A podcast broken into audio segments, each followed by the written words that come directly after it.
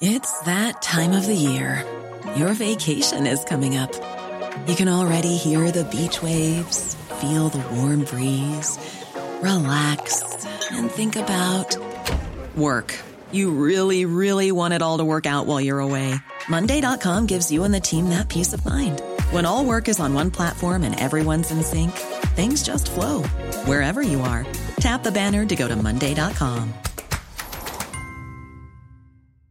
I'm Sandra, and I'm just the professional your small business was looking for. But you didn't hire me because you didn't use LinkedIn jobs. LinkedIn has professionals you can't find anywhere else, including those who aren't actively looking for a new job but might be open to the perfect role, like me. In a given month, over 70% of LinkedIn users don't visit other leading job sites. So if you're not looking on LinkedIn, you'll miss out on great candidates like Sandra. Start hiring professionals like a professional. Post your free job on linkedin.com/people today. This is Paige, the co-host of Giggly Squad, and I want to tell you about a company that I've been loving, Olive and June. Olive and June gives you everything that you need for a salon quality manicure in one box. And if you break it down, it really comes out to $2 a manicure, which is absolutely insane. It's also so easy to get salon worthy nails at home with Olive and June. The difference between how your nails used to look when you did them yourself and now with the Manny system is a complete game changer. The best thing about Olive and June too is it's a quick dry. Dries in about 1 minute, lasts for 5 days and full coverage in up to 1 to 2 coats. Visit oliveandjune.com slash perfectmanny20 for 20% off your first system. That's oliveandjune.com slash perfectmanny20 for 20% off your first system. Palmemordet, Sydafrikaspåret del 7, Anthony White. Sveriges statsminister Olof Palme är död. 90 000. Ja, det är mord på Sveavägen. Hörde de säger att det är Palme som är skjuten. Mordvapnet med säkerhet är en Smith Wesson, en revolver kaliber .357. Inte ett svar. Det finns inte ett svar. För jag har inget. Och jag har inte varit Varför skulle jag göra Polisen söker en man i 35 till 40-årsåldern med mörkt hår och lång mörk rock. Välkomna till podden Palmemordet som idag görs av mig, Tobias Henriksson på PRS Media. Och jag vill börja med att påminna er om att Palmemordet fram till årsskiftet 2022-2023 kom ut varannan vecka på grund av omständigheter utanför vår kontroll. De veckor då det inte kommer nya avsnitt, ja då sänder vi istället repriser av uppmärksammade avsnitt, bland de cirka 350 sådana som finns att välja på. Självklart dras inga pengar på Patreon för repriserna, så dessa kommer till er som en ren bonus. Om du vill veta mer om varför vi tvingats ta det här beslutet, lyssna på reprisavsnitt 1 om Alf E. Men om du vill sponsra de nya avsnitt som kom ut så gör du det lättast på patreon.com palmemordet. Alltså patreon.com palmemordet.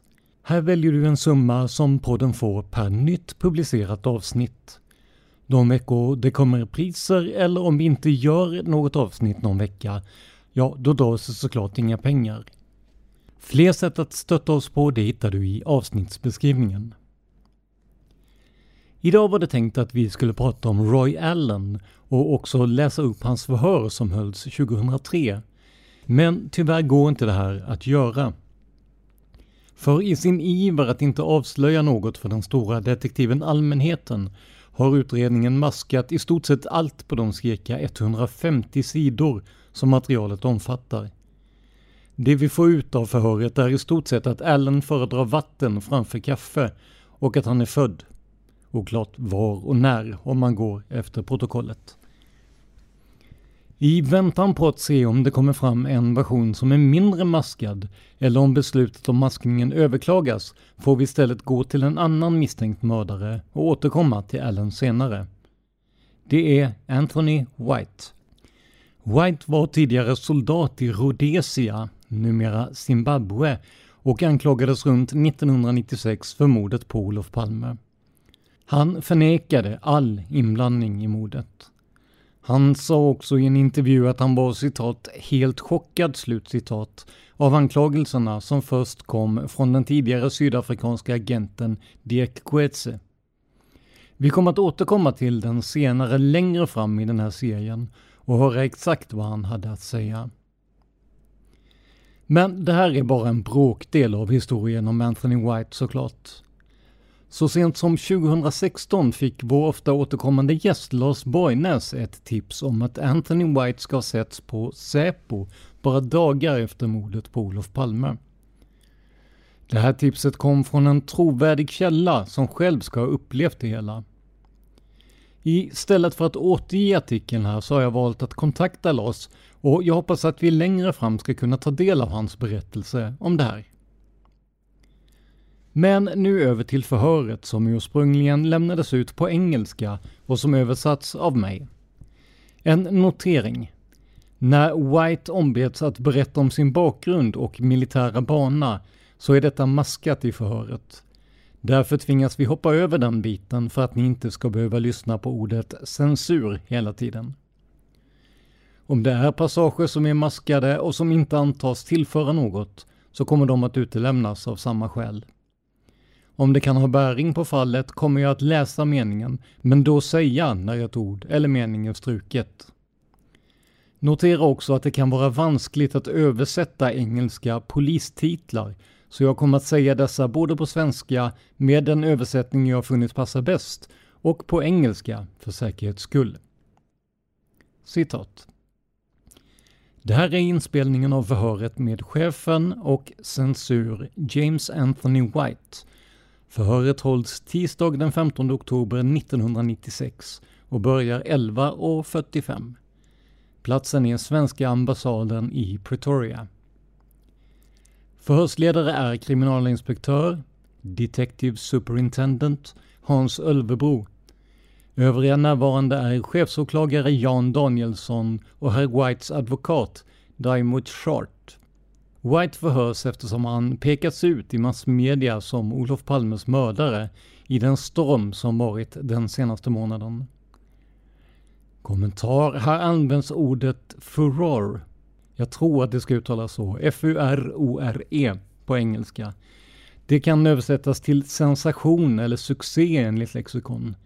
Men i den här kontexten så lär man av sig mediastorm eller liknande. Slutkommentar.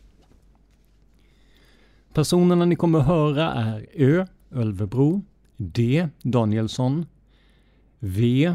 Jag kommer inte att säga W utan det blir V för White och sen S för Short. Och Short är alltså advokaten. Och när han kommer att säga någonting så kommer jag oftast säga advokaten för att ni ska hänga med i vem det är. För det är inte så ofta han säger något. Ö. Okej, under dina uppdrag i olika länder har du någonsin mött några svenskar? V. Jag är säker på att jag har mött svenskar, särskilt i Beira. Jag har träffat många svenskar, för i Beira finns en ganska stor sammanslutning av svenska utlänningar. Den enda övriga svensken, och jag vet inte om han var svensk eller norrman, var en kille jag mötte i Johannesburg. En kille som hette Jensen. Allt jag visste var att han var skandinav. Det är väldigt svårt för oss att urskilja. Ö. Känner du till något förnamn? V. Nej, jag bara, bara Jensen. Ö. Mm. När var det? V. Jag skulle säga att det förmodligen, om man tar i beaktande att jag genom mina resor på sätt och vis tappat tidsuppfattningen, annat än vad jag kan läsa ut av mitt pass. Det måste ha varit 75. Ö. 75. V. Eller däromkring. Ö. Jo, jag måste ställa en fråga till de svenskar. Känner du några svenska poliser? V. Nej, verkligen inte. Jag känner inga svenska poliser. Ö. Har du... Jag menar, du kanske inte känner, men har du träffat några? Har du hört, eh, har du hört om att... Har du hört om att det har varit svenska poliser här nere i Sydafrika? V. Nej. Ö. Aldrig. S. Advokat. Ursäkta, men kan jag bara få förtydliga att vad jag tror att herr White säger är att om han har träffat en svensk polis så visste han inte att det var en polis? Ö. Nej. S. tack. Ö. Självklart, jag förstår. Har eh, åklagaren några frågor? D. Eh, ja tack. Eh, kan du uppge i vilka länder du varit, låt oss säga från 1985 och framåt? När du har besökt ett enskilt land? V. Självklart, jag har besökt USA, Storbritannien, D. Kan du ange tidsperioderna med? V. Jag skulle, jag, D. På ett ungefär. V. Då behöver jag titta i mitt pass. S. Advokat. Kan vi ta en genväg här? Är du bekväm att ge dem en kopia av ditt pass? V. Absolut. S. Har du det med dig? V. Min fru har det ja. Min... Det är mina pass som har gått ut. Ö. Ja. V. Ja, USA, Storbritannien, Tyskland, Holland. Det är typ de europeiska länder jag varit i.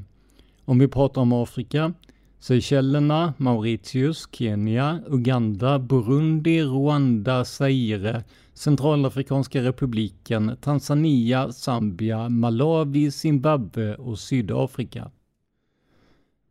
D. Bara för protokollet, det innebär att du aldrig varit i Sverige. V. Jag har aldrig besökt Sverige. D. Eller något annat skandinaviskt land. V. Det stämmer. D. Har du hört talas om en person som heter Bertil Vedin? Kommentar. Precis som i tidigare avsnitt om Sydafrika har vi valt att namnge personen för tydlighets skull. Personen är idag avliden och kan följaktligen inte lida publicitetsskada. Slutkommentar. W. Säg det. D. Bertil Vedin. W. Jag har aldrig hört det namnet tidigare. D. Jag kan bokstavera det för dig. Hans förnamn B-E-R-T-I-L W-E-D-I-N. Kommentar. Ja, Danielsson säger alltså förnamn för att sedan också bokstavera efternamnet. Slutkommentar. V. Jag har aldrig hört det namnet tidigare. D. Tack. Ö. Okej, då ska jag fråga dig om du har någon kännedom om mordet på herr Olof Palme. Jag menar om du genom tidningarna var medveten om att den svenska statsministern sköts 1986. V. Min kunskap är begränsad helt och hållet till det som stått i tidningarna. Medieuppmärksamheten på den tiden. Ö. Eh, vid den tiden också, när han mördades? V. Jag är säker hörru. Ö. A. V. Det var internationellt. Ö. Mm. V. Det rapporterades internationellt. Jag kan inte specifikt komma ihåg incidenten vid den här tiden. Men man måste anta att jag hörde det på tv eller såg det i tidningarna. Ö. Ja, kan du berätta var du var i februari och mars 1986? Kommer du ihåg det? V. Jag kan inte komma ihåg det specifikt, men genom att analysera mitt pass, mina pass, så skulle jag säga att jag var i Sydafrika vid det tillfället. Ja. Ö. Vad vi är ute efter är att etablera någon form av alibi eller så om du kan verifiera var du var så vore det väldigt bra för oss. V. Det är en extremt svår sak att göra och det skulle ta lite tid. Men det vi gör är att eh, gå igenom alla utrese och ankomststämplarna i mitt pass och från det under på dagen för vid den här tiden, före och efter mordet på er statsminister, är indikationerna att jag var i Sydafrika i Beira var det extremt svårt att kommunicera med Sydafrika vid den här tiden eftersom eh, vår parabolantenn hade lossnat från sina fästen i Beira. Så jag Just nu försöker jag att fastslå exakt var jag var och vad jag gjorde, men allt indikerar på att jag var i Sydafrika och inom kort kommer ni att eh, få reda på exakt var jag var genom herr Short. Ö. Skriver du dagböcker eller? V. Dessvärre inte. Ö. Och du, jag menar på, på sitt kontor har man oftast en bok där man skriver ner anteckningar om vad man är. V. Jag har aldrig haft för vana att föra dagbok. Ö. Tror du att eh, din fru kan ha någon information om var du kan ha varit? V. Vi arbetar på projektet tillsammans så jag kan försäkra er om att vi kommer att kunna ge svar på de frågorna. Ja. Okej. Okay. Har du några frågor? Det. Du sa att du mest hade hört om mordet på Olof Palme genom media när det hände. Har du sedan dess någonsin varit i kontakt med någon person som har hävdat att han eller hon hade någon kännedom om mordet? Hur det planerades eller utfördes eller liknande saker? V. Herr Danielsson, den enda första gången jag hörde om mordet på herr Palme, om man eh, bortser från medias bevakning, var på söndagen för två veckor sedan, eller tre veckor sedan, när jag pekades ut som misstänkt. Utöver det har jag ingen kunskap. Jag har inte pratat eller haft kontakt med någon som ens varit lite anknuten till den här speciella incidenten. Det. Som du säkert känner till så har nyligen ett stort antal människor trätt fram här i Sydafrika och sagt att en eller annan person troligen har varit inblandad på något sätt. Och namn har nämnts som du vet. V. Ja. D. Man har kommit med anklagelser och så vidare. Men eh, du har aldrig pratat med någon person här i Sydafrika eller någon annanstans i Afrika som hävdar att de har någon sorts information om mordet tills nyligen? V. Herr Danielsson, med risk för att upprepa mig. Den första gången som jag fick någon sorts djupare insikt eller diskuterade den här incidenten efter mediebevakningen var när min dotter ringde mig och sa att det fanns artiklar i sydafrikanska tidningar. Så nej. S. Kan jag få förtydliga något? D. Självklart. S. Gällde din fråga innan anklagelserna dök upp i sydafrikanska tidningar eller om det efter anklagelserna är så att herr White har pratat med någon som säger sig ha någon kännedom om det här mordet? D. Innan. S innan? V. Svaret är nej. D. Okej. Okay. Har någon närmat sig sedan det kom upp nyligen det här ämnet? Eh, har någon eh, närmat sig och sagt jag har information om mordet. Jag gjorde det eller någon annan gjorde det? V. Svaret är nej. Ö. Ska vi gå vidare till namnen? V. Eh, ursäkta mig, jag vill bara förtydliga. Annat än vad jag läst eller hört i press och media. Ö. Eller en journalist som sa till dig, eller att du intervjuat så. W. V. Ja e, eller nej. Vad jag läst är att någon sagt att den här personen är inblandad eller inte inblandad.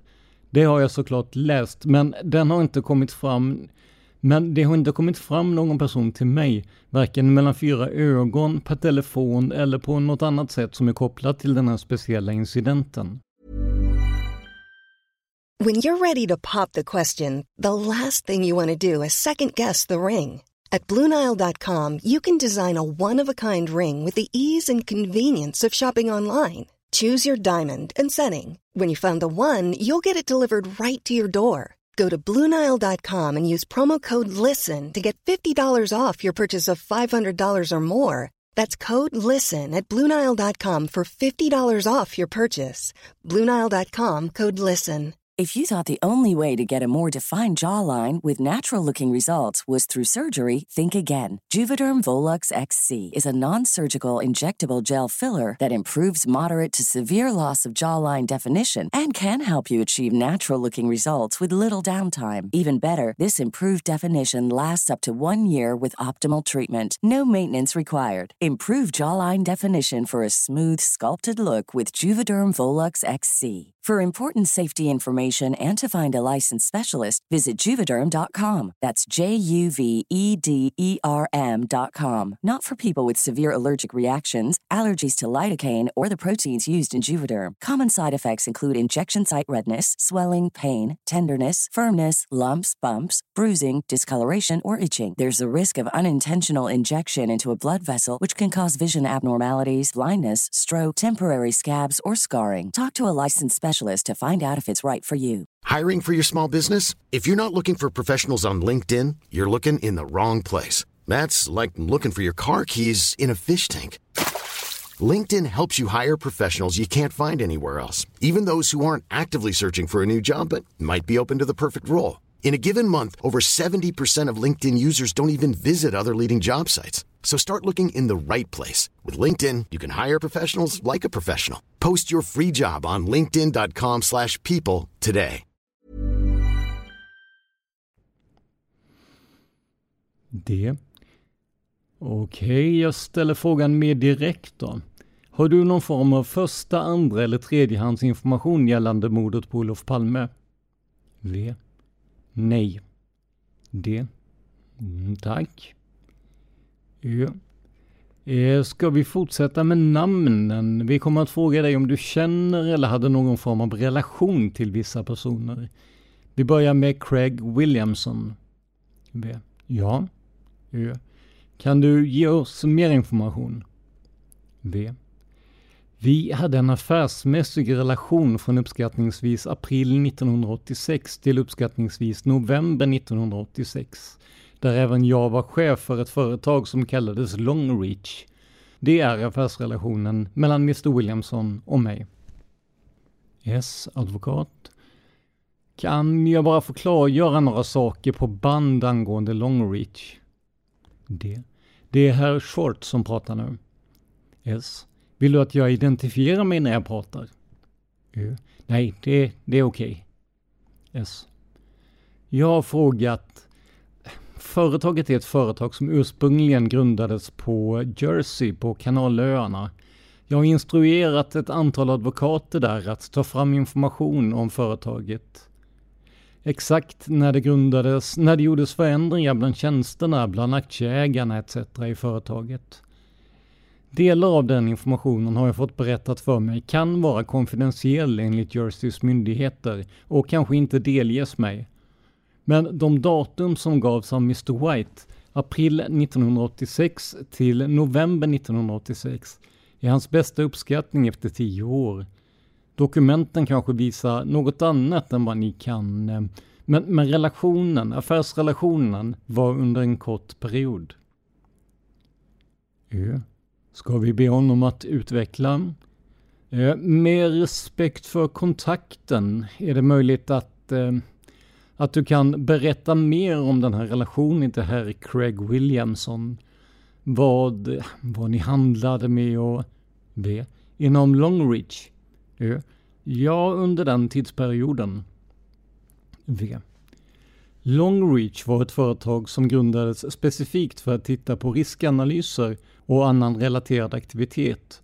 Och generellt hade vi en kund vid de här aktiviteterna. Kommentar.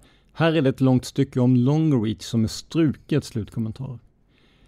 Jag lämnade företaget frivilligt för att återgå till min handel. Vi eh, kring eh, november 1986. Återigen, dessa fakta kan klargöras när vi, eh, när vi får dem.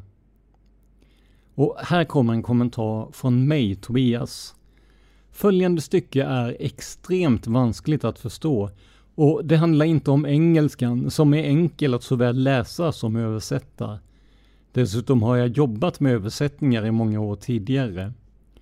Problemet är istället att det ser ut som att Danielsson ställer samma fråga två gånger, men ändå får två olika svar.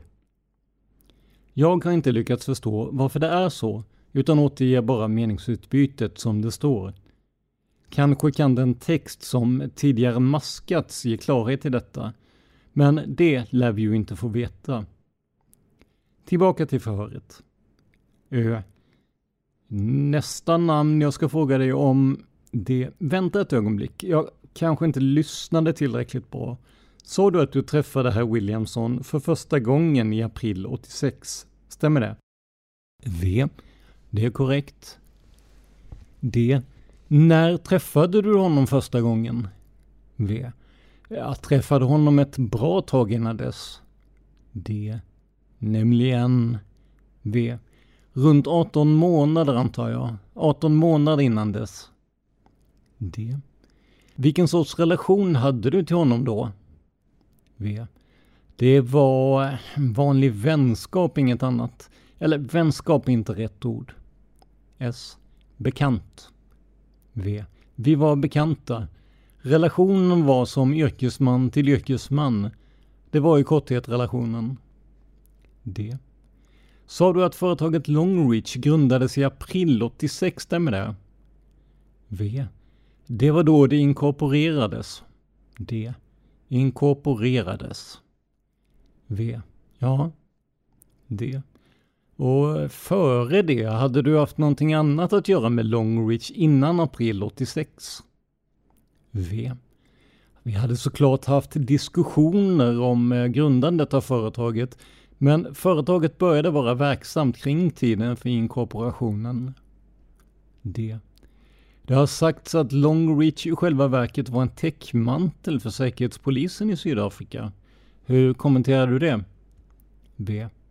Helt klart är att under min inblandning var det bara kommersiellt och öppet kommersiellt. Vad som hände med Longreach efter min avgång kan jag inte svara på, för jag hade lämnat Sydafrika. Men under tiden jag var där var det verkligen ingen, ingen militär eller polisiär närvaro alls under den tiden. Det var riskanalys. Det. Har herr Williamson vid något tillfälle gjort någon slags kommentar om att han kan ha vetskap om mordet på Olof Palme? V. Nej, sir. D. Har han någonsin pratat med dig om ärendet? Har ni diskuterat mordet på något sätt? V. Jag har aldrig diskuterat mordet med Craig Williamson på något sätt eller någon gång. D. Mm, tack. D. Tack. Ö.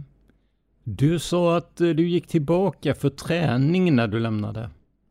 V. Handel. Kommentar. Här har alltså Ölvebro hört fel på de engelska orden training och trading. Slut kommentar. S. Handel. Ö. Handel. Jag ber om ursäkt. Jag är... Ja. Kommentar. Här är en stor del av det som rör det som White kallar för handel struket. Och nästa fråga blir därför följande. Slutkommentar. D. Jag vill återvända till din relation med herr Williamson. Vid den här tiden, eller vid något annat tillfälle, sa herr Williamson någonsin, eller visste du på annat sätt, att han varit undercover-agent i Europa? V. Sir, det var inte bara välkänt. Jag visste personligen att han hade varit undercover-agent för Sydafrika i Europa. Ja, sir. D. När eh, hörde du det första gången? V. Första gången jag läste det var vid en väldigt stor medieuppmärksamhet som det fick här i Sydafrika och andra D. Och när var det? V. Kort tid efter att han avslöjades. D. I början av 80-talet? V. Ja, och vi blev kompanjoner. Jag frågade självklart honom av rent intresse om det och han sa ja, han har varit agent för sydafrikanska polisen i Europa han tjänstgjorde i Europa och han utvecklade det inte mer än så. Ö. Du säger att du inte diskuterat några av hans operationer. V. Nej, sir. Kommentar. Här kommer en passage då Palmeutredningen frågar om olika, men dessvärre maskade namn. Vi hoppar därför lite i protokollet. Slutkommentar. Ö. Kanske är det kanske lättare om jag ber dig berätta om de personer som varit ute i media om det här när de pekade ut dig som mördaren. V. Ja, sir. Ö. Om du kan dra dig till minnes namnen på personerna som varit ute i media och berätta för oss om vem och... V.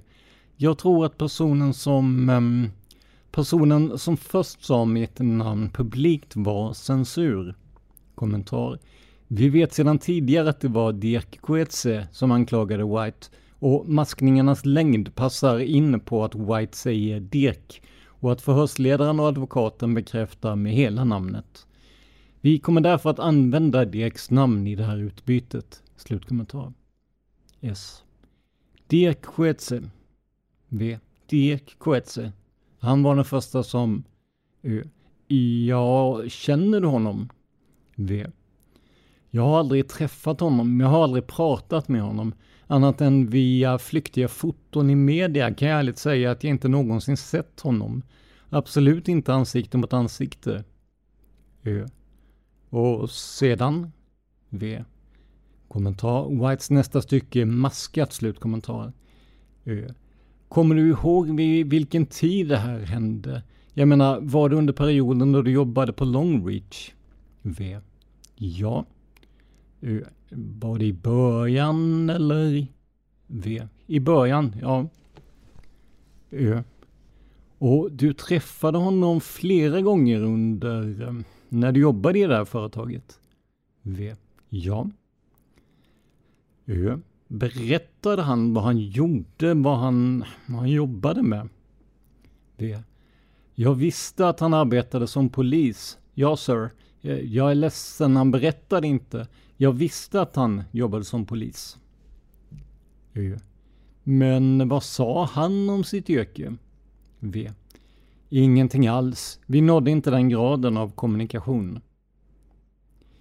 Och härefter följer ytterligare namn som vi inte känner till. Så vi återvänder till den skandinaviska eller svenske person som White säger sig ha träffat och som namnges som Jensen. Märkligt nog är namnet öppet tidigare i dokumentet men maskat här. Vi kan självklart inte vara 100% säkra på att det är samma person som avses men det stämmer med det maskade fältet och det är den enda skandinav som omnämns i dokumentet. Därför kommer vi att referera till honom som Jensen, även där namnet är struket nedan. Ja.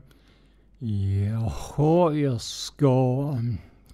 Vi kommer tillbaka till svenskar. Kan du komma ihåg nu om du träffade någon svensk när du arbetade för Craig Williamson? V. Den här killen Jensen. Ö. Ja. V. Han var... Han var... Som jag sa så vet jag inte. Jag kan inte specifikt säga att han var svensk. Ö. Men eh, skandinavisk. V. Han var skandinavisk, ja sir. Och inte ens då kunde jag säga att han var skandinav. Jag fick berättat för mig att han var skandinav. Men han pratade med en sydafrikansk rhodesisk engelsk accent. Och han var också anställd som väskbärare, en vakt, en närskyddsperson vid den här tiden. Kommentar. Här säger White Bag Carrier, vilket eh, direkt översatt är bärare eller väskbärare. Men informellt kan det också betyda en mindre viktig person i närheten av en person med mer makt, vilket troligen är vad som avses. Slutkommentar. V. Men under en väldigt kort period och jag lärde verkligen inte känna honom som en vän. Jag såg honom som någon som jobbade för, jag vet inte ens, jag ska vara helt ärlig, jag vet inte om han jobbade för företaget eller om han var kontrakterad som någon slags konsult. Jag var inte inblandad i den administrativa delen. Ö. Har du några frågor? D. Ja tack. Eh, som du säkert vet så har både person 1 och person 2 hävdat att det var du som kramade avtryckaren när Olof Palme mördades. Kommentar. Personernas namn är strukna i texten, Men en är med säkerhet Diek Coetze. För att ändå få ett sammanhang i detta kallar vi dem ändå person 1 och person 2. Slutkommentar. S-advokaten. Eh, jag ber om ursäkt, kan jag bara få korrigera det? Att person 2 sa så. Person 2 sa att han hade hört det av person 1. Person 2 gjorde inget specifikt uttalande. Det. Har du eh, själv någon förklaring till att de pekat ut dig? Vad är förklaringen som du ser det? V. Jag kan bara anta att det är för någon sorts självuppfyllelse, någon sorts att hamna i strålkastarljuset, eller att det ska vara någon förmildrande omständighet i fallet person 1. Jag har verkligen ingen aning. Vittnesmålet eller utpekandet kom som en total chock för mig. Vi hoppar i förhöret på grund av många strykningar. D. Alltså, jag måste ändå fråga dig, har du själv någon teori om vem som skulle kunna ha planerat och utfört mordet på Olof Palme om det fanns en sydafrikansk koppling? Har du själv någon teori? V. Sir, jag har ingen teori alls. D. Om det fanns en sydafrikansk koppling, vem skulle enligt din erfarenhet vara kapabel att utföra det? S. Det är bara spekulationer. D. Ja. S. Och jag tycker inte du ska svara på det. V. Jag skulle ändå inte veta. D. Är det något annat som du själv skulle vilja lägga till som du tror kan vara intressant i det här fallet? V. Jag vet så lite om det att jag inte kan lägga till någonting. D. Mr Short, har du några fler frågor? S. Nej. Ö. Nej, jag har inte det. Ska vi stanna där? Förhöret avslutas 12.35. Som ni ser så blir det svårt att få en riktigt bra överblick när saker och ting är strukna. Men i korthet kan vi konstatera att enligt det här förhöret så vet White väldigt lite om Palmemordet och ännu mindre om misstänkta mördare. Jag vet att det är svårt att få en bild av ett förhör bara utifrån text och vi har ju inte tillgång till ljudfilerna. Men jag tycker mig ändå se att Danielsson och Ölvebro alltmer sjunker ihop där nere i Sydafrika ju längre in i förhöret de kommer. Om det någon gång hettar till lite så är advokat Short snabbt där och förtydligar eller opponerar sig. Och det är såklart en försvarsadvokats uppgift, så inget ont i det. Men jag tror att vi kan vara överens om att det här relativt långa förhöret faktiskt inte ledde någonstans. Inte sant? Men vad hände sedan med Anthony White? Ja, kvällstidningarna i Sverige, främst Aftonbladet och Expressen, hade stora artiklar om honom, där han utpekades som möjlig mördare. Det här kändes fullt förståeligt jobbigt för White, som kom att anmäla Sverige och tidningarna Expressen och Aftonbladet till Europeiska domstolen för mänskliga rättigheter, förkortat ECHR på engelska. För att se hur domslutet till sist blev citerar vi en text från Tidningarnas Telegrambyrå TT från den 19 september 2006. Citat. Ingress. Aftonbladet och Expressen gjorde inga övertramp när de pekade ut britten Anthony White som statsminister Olof Palmes mördare. Det beslutade Europeiska domstolen för mänskliga rättigheter, ECHR, i Strasbourg idag. Text. White var citat en välkänd person vars påstådda illegala aktiviteter redan hade varit föremål för mediernas uppmärksamhet. Slutcitat. När de svenska kvällstidningarna hösten 1996 tog upp påståendet att det var han som hållit i vapnet vid Palmemordet tio år tidigare, skriver domstolen. Domen, utlagd på ECHRs webbplats, fortsätter med att de svenska rättsinstanser som tagit upp fallet hade rätt i att citat det allmänna intresset i att publicera den aktuella informationen vägde tyngre än den sökades rätt till skydd av hans rykte. Slutcitat. Den svenska staten har därför inte brustit i skyddet av Whites rättigheter, finner domstolen. Tidningarnas dåvarande chefredaktörer Kristina Jutterström och Torbjörn Larsson fälldes ursprungligen för grovt förtal av Stockholms tingsrätts jury. Rättens domare friade dock de båda, en ståndpunkt som 2002 stod sig i Svea hovrätt. Från början var det en hög chef inom Sydafrikas säkerhetspolis som spred rykten om att legosoldaten White skulle ha varit huvudpersonen i mordet på Palme. Både internationella och svenska medier började publicera uppgifter om Whites bakgrund. Palmeutredarna förhörde 1996 White i Sydafrika.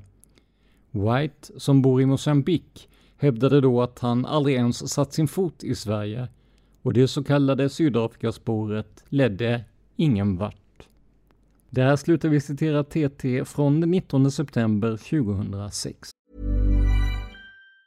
Planning for your next trip? Elevate your travel style with Quince. Quince has all the jet-setting essentials you'll want for your next getaway, like European linen, premium luggage options, buttery soft Italian leather bags, and so much more. And it's all priced at 50 to 80% less than similar brands. Plus, Quince only works with factories that use safe and ethical manufacturing practices. Pack your bags with high-quality essentials you'll be wearing for vacations to come with Quince. Go to quince.com slash trip for free shipping and 365-day returns. Cool fact, a crocodile can't stick out its tongue. Also, you can get health insurance for a month or just under a year in some states. United Healthcare short-term insurance plans, underwritten by Golden Rule Insurance Company, offer flexible, budget-friendly coverage for you. Learn more at uh1.com.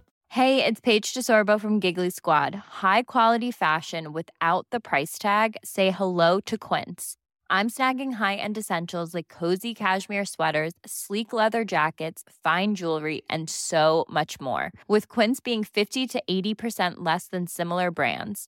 And they partner with factories that prioritize safe, ethical, and responsible manufacturing. I love that. Luxury quality within reach. Go to quince.com slash style to get free shipping and 365 day returns on your next order.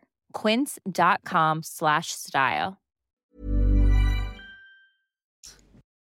Jag tyckte att det här var så spännande att jag bara var tvungen att läsa mer om det här rätt udda rättsfallet.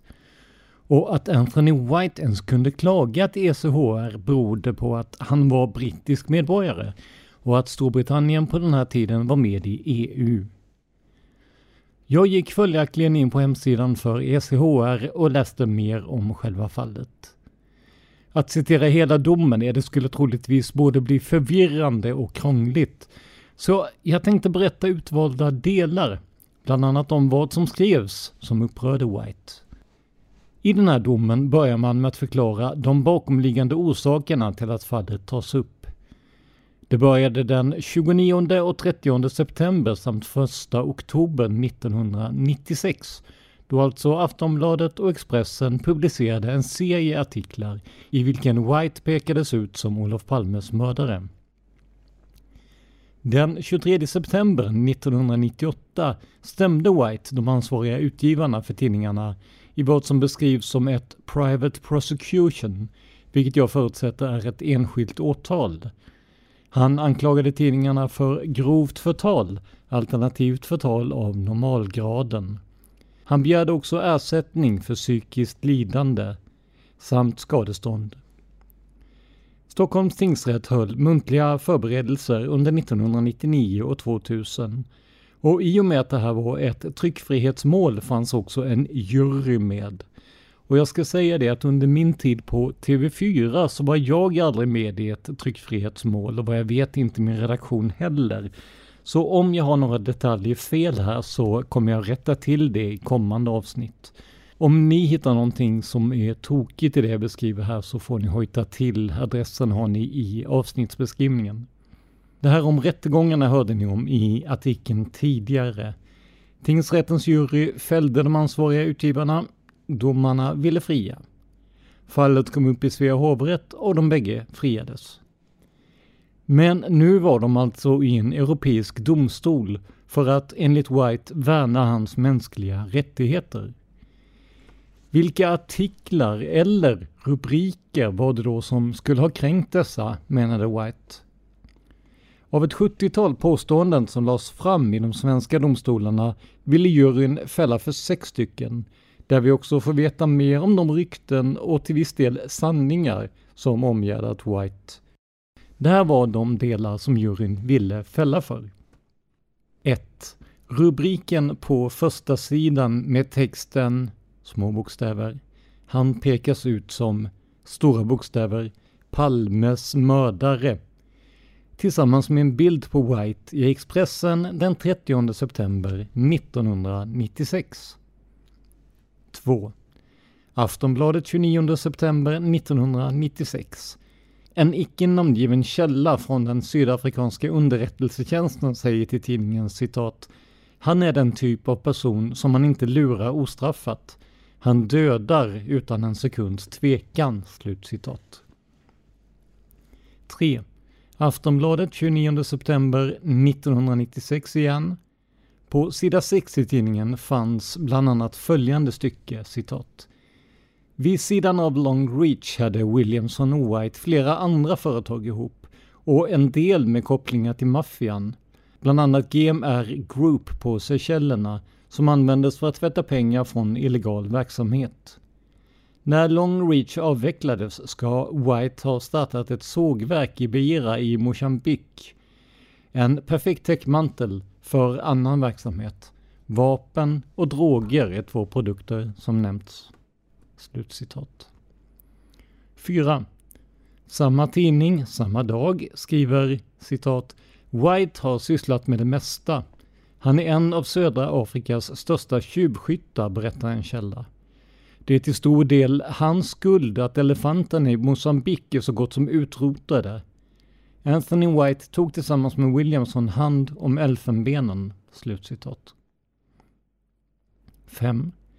I Aftonbladet den 30 september 1996 löd en underrubrik citat ”Män tjänar mest på smuggling och tjuvjakt” tillsammans med texten citat men enligt flera uppgifter kommer största delen av hans inkomster från smuggling och tjuvjakt. slut citat. Samt punkt nummer 6. Samma dag löd rubriken i samma tidning citat Idag smugglare i Mosambik. Slutcitat. Under en bild på White. Och jag har ju jobbat som journalist under en längre tid, bland annat på TV4 i Malmö och jag skulle aldrig kunna tänka mig att skriva sådana här saker utan att det var fastslaget så nära bortom rimligt tvivel det bara går. Och vad har egentligen eventuell tjuvjakt och eller smuggling med mordet på Olof Palme att göra? Kort sagt, jag förstår att White blev förbannad. Men att bli förbannad över något som skrivs behöver ju inte betyda att det som skrivs är brottsligt. Och precis så blev fallet här. Trots fällande dom i tingsrätten friades tidningarna i hovrätten och sen också i ECHR. Man ansåg alltså inte att Whites mänskliga rättigheter hade kränkts och avslutade fallet utan vidare åtgärd. Så personen som själv påstås varit en mördare kan sägas ha blivit mördad i pressen. Och i inget av fallen gick det att få till en fällande dom som vann lagerkraft. kraft. Någon slags ironisk rättvisa finns det kanske i detta, kan man tycka. Hur som helst, det här var allt vi hade i dagens avsnitt om Anthony White. Och ni är mer än välkomna att kontakta oss med frågor om podden, förslag på ämnen och mycket mer. Skriv i tråden i Palmerummet eller Studio Palmemordet på Facebook eller mejla simwaypodcast gmail.com det är alltså zimwaypodcastgmail.com där vår administratör Eva svarar på era mejl och vidarebefordrar dem till rätt person av mig och Dan. Jag vill också så här i slutet påminna er om att ni kan stötta oss ekonomiskt för de nya avsnitt vi gör. Alla sätt att göra detta på, ja det hittar du i avsnittsbeskrivningen. Det här var veckans avsnitt av podden Palmemordet som idag gjordes av mig, Tobias Henriksson på PRS Media. För mer information om mig och mina projekt besök facebook.com prsmedia.se eller gilla oss på Instagram där vi heter prsmedia. Ett ord, små bokstäver. Tack till alla som stöttar och följer oss. Men framförallt, stort tack för att du lyssnar på podden Palmemordet. Man hittar Palmes mördare om man följer PKK-spåret till botten. För att ända sedan Julius Caesars tid har jag aldrig hört talas om ett mord på en framstående politiker som inte haft politiska skäl. Polisens och åklagarens teori var att han ensam hade skjutit Olof Palme. Och det ledde också till rättegång. Men han frikändes i hovrätten. ska